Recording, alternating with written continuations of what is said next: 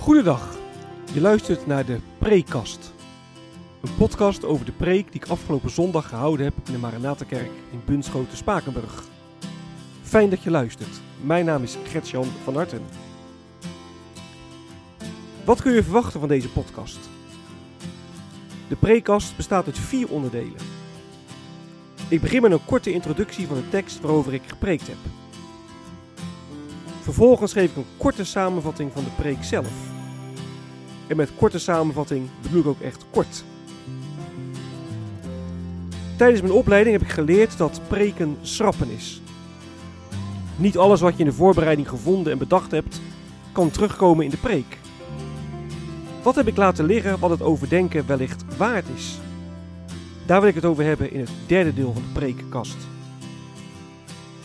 En tenslotte sluit de preekkast af met een aantal verwerkingsvragen. Vragen die je kunnen helpen om de preek te overdenken en of toe te passen. Ik wens je veel luisterplezier.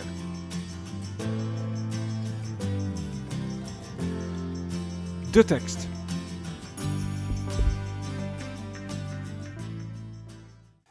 De preek ging over Psalm 77. En ik heb vooral ingezoomd op vers 20. En in Psalm 77 vraagt Asaf zich vertwijfeld af of de Heer nog wel om zijn volk geeft. Hij zegt bijvoorbeeld in vers 8: Zou de Heer voor eeuwig verstoten, zou hij niet langer lief hebben? En in vers 10 zegt hij: Vergeet God genadig te zijn. Het kwelt hem, het houdt hem bezig. Hij zegt in vers 11: De hand van de Allerhoogste is niet meer dezelfde. En dan tekent hij God als een, als een machtige God. Vers 14 zegt u: Welke God is zo groot als onze God? En laat hij zien dat God een God is die wonderen doet. Zijn macht ook getoond heeft in de uittocht, bij de uittocht uit Egypte. Toen God zijn volk bevrijdde. Hij tekent hoe God zijn volk ehm, door de Schelfzee liet gaan. En God dus liet zien dat hij veel machtiger was dan, uh, dan de wateren. Toen het water u zag, o God, toen het water u zag, begon te beven. Een huivering trok de oceanen, zegt vers 17. En zegt in vers 20, door de zee liep uw weg, door de wijde wateren uw pad. Maar, eindigt het vers dan, uw voetsporen bleven onzichtbaar. De preek.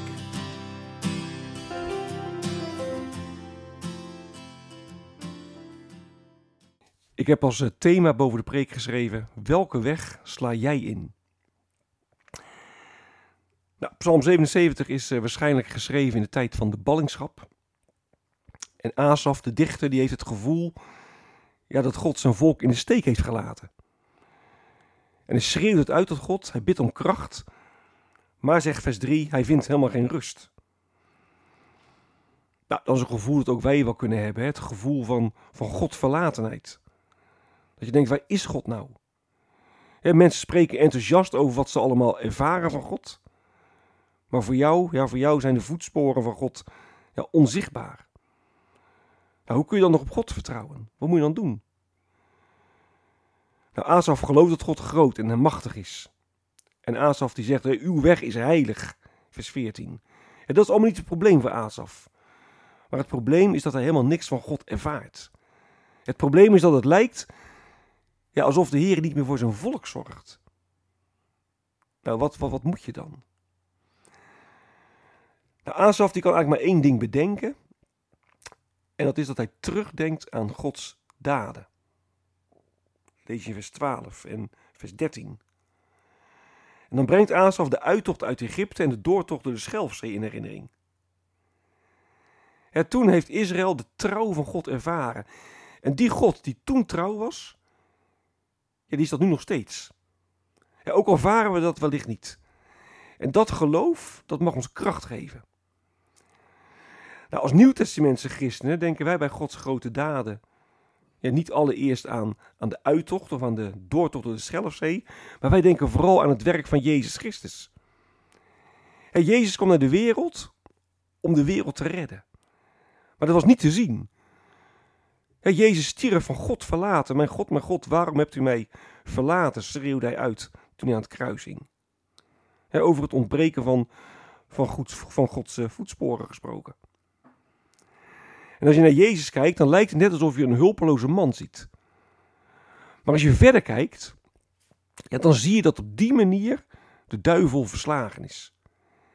En Jezus Christus, hij is dan ook het bewijs dat God echt betrokken is op ons. Nou, het Oude Testament loopt uit op de komst van Jezus Christus.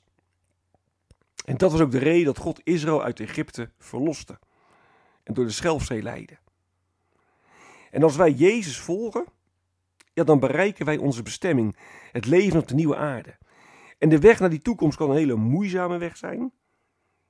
Soms heb je het idee dat je, dat je verdwaalt, of dat het een doodlopende weg is. Want je ziet Gods voetsporen niet. En dan kun je teleurgesteld afhaken. Maar, en dan kom je bij de vraag, welke weg sla jij in?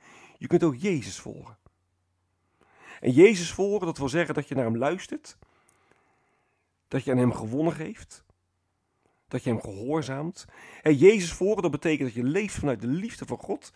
En dat je jouw leven, met al je vragen, in zijn hand legt. En dat je dat doet in het geloof dat Jezus je bij de hand neemt en naar het koninkrijk van zijn vader brengt. Nou, welke weg sla jij in? Dat was de vraag.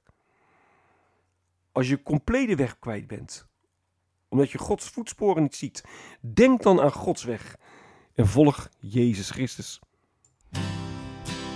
Wat is blijven liggen?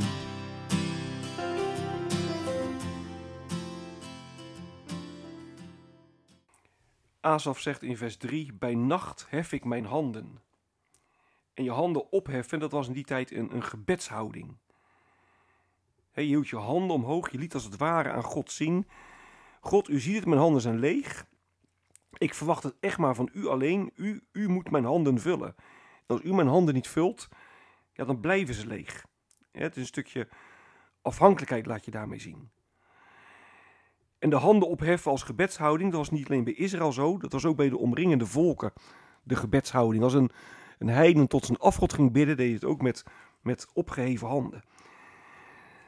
Nou, in onze tijd heeft het opheffen van, handen, opheffen van handen een andere betekenis. bij ons is het een, een uiting van, ja, van blijdschap, een stuk, stuk lofprijzing. als in de kerk een, prachtig lied gezongen wordt, waarin God geëerd wordt, waarin God geprezen wordt, dan zie je wel dat mensen hun, hun handen in de lucht heffen om daarmee hun, ja, hun, lof te, te uiten. Dat is natuurlijk ook bij voetballers. Hè? Als een goal gescoord en ze juichen, doen ook de handen omhoog. Maar in de Bijbel heeft het opheffen van de handen dus een andere betekenis. Niet zozeer een, een, een uiting van, van lofprijzing, maar het is een gebedshouding. Nou, denk bijvoorbeeld ook aan Psalm 63. Hè? Ik hef mijn handen naar omhoog om heel mijn hart u op te dragen ik kom in gebed bij u om mezelf aan u eh, toe te wijden. een catechisant zei laatst een keer tegen mij, tegen mij op catechisatie, als we zingen, ik heb mijn handen naar omhoog, dan laten wij onze handen gewoon naar beneden. We doen niet wat we zingen. Maar dat hoeft dus niet waar te zijn. Als je zegt, ik heb mijn handen naar omhoog, dan zeg je dus, ik, ik wil mijn leven biddend voor uw aangezicht brengen. Ik wil mij uh, aan u toewijden. Nou, wij noemen vaak bidden met, met handen gevouwen. En op zich, ja, bidden met open handen is ook een prachtige symboliek. Ik, ik, eh, ik, merk bij mezelf ook wel regelmatig toen ik zelf bid, dat ik niet mijn handen vouw, maar mijn handen uh, ja, open hou als een, als een teken van, nou God, wilt u mijn hand vullen. Maar het gaat niet om het gebaar op zich natuurlijk. De betekenis van bepaalde handelingen, ja, die kan ook van tijd tot tijd verschillen. Het gaat natuurlijk om wat er tot, tot uitdrukking wordt gebracht. Ik wil even bij vers 3 blijven. Het slot van vers 3 zegt: Mijn ziel laat zich niet troosten. En wat betekent dat? Mijn ziel laat zich niet troosten. Is dat een, eh, een zondige houding van nou, ik weiger me te laten troosten? Ik ben zo boos, ik, ik, ik wil geen troost horen. Of uh, betekent het dat, dat woorden van troost ja, niet, niet binnen kunnen komen?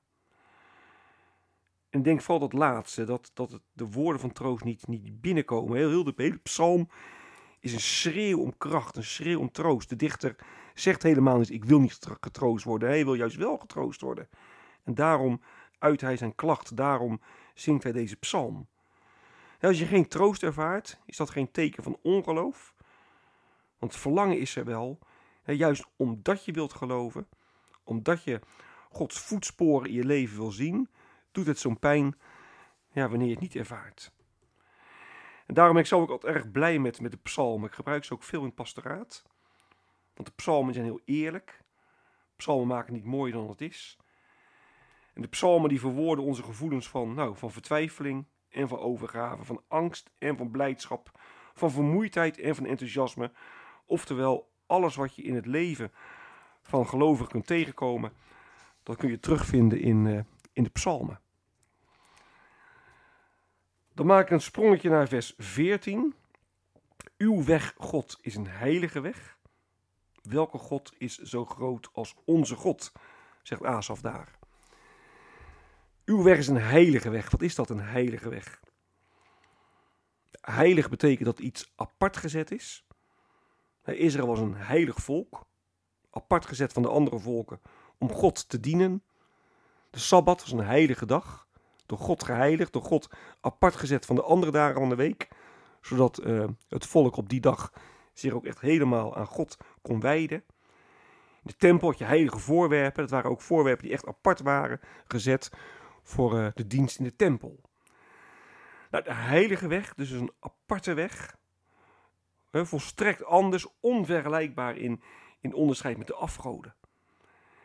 En, en daarom is Gods weg voor ons ook vaak niet te begrijpen, omdat ja, God als de heilige God ons verstand verre te boven gaat. Dus de heilige weg, dat is de weg van God, ja, die God gaat en wij, ja, wij niet kunnen begrijpen. Maar een weg die uiteindelijk wel goed is, omdat het de weg van God is. En dat is een, een geloofsuitspraak. Ten slotte wil ik nog even wijzen op de versen 17 tot 19. Daar wordt uh, de chaos van de schepping getekend. De chaos van de wateren. Dit werd gezien als, als oermacht in die tijd. Daar waren mensen heel bang voor. Want water dat betekende, ja, dat betekende bedreiging.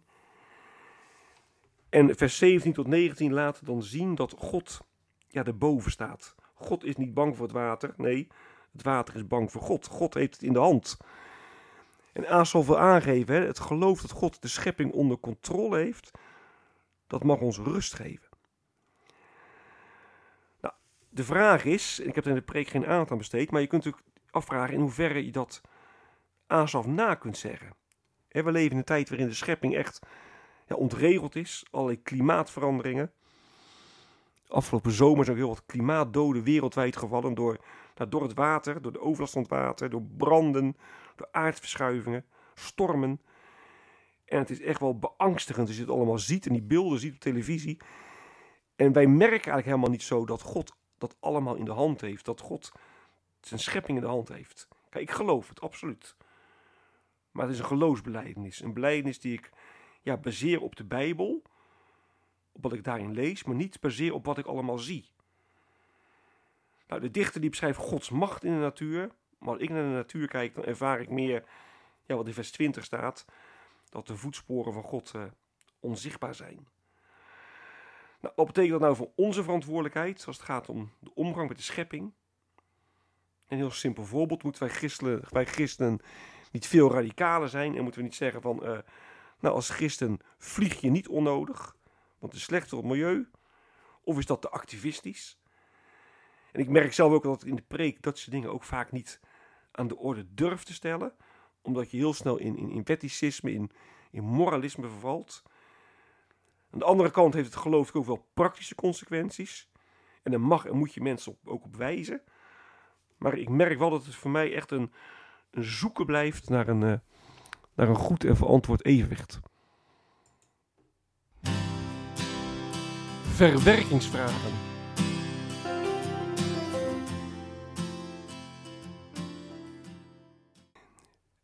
De eerste vraag die ik wil stellen is: in hoeverre zijn voor jou Gods voetstappen zichtbaar?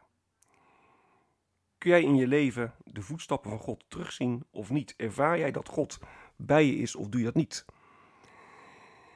En de volgende vraag is: welke weg sla jij in als jij compleet de weg kwijt bent? Als je Gods voetsporen niet ziet, wat doe je dan? De derde vraag is: in hoeverre is Jezus Christus voor jou het bewijs dat God naar ons omkijkt? Ja, Asaf die zegt: je moet je richten op Gods daden. Dan zie je dat God echt met ons, eh, op ons betrokken is. Nou, wij kijken dan vooral terug op Jezus Christus, maar in hoeverre is Jezus Christus nou voor jou het bewijs dat God naar ons omkijkt?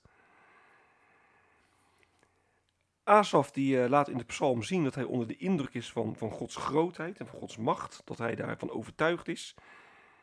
En de vraag die ik wil stellen is, in hoeverre ben jij dat ook? Ben je ook overtuigd van Gods grootheid en Gods, Gods macht?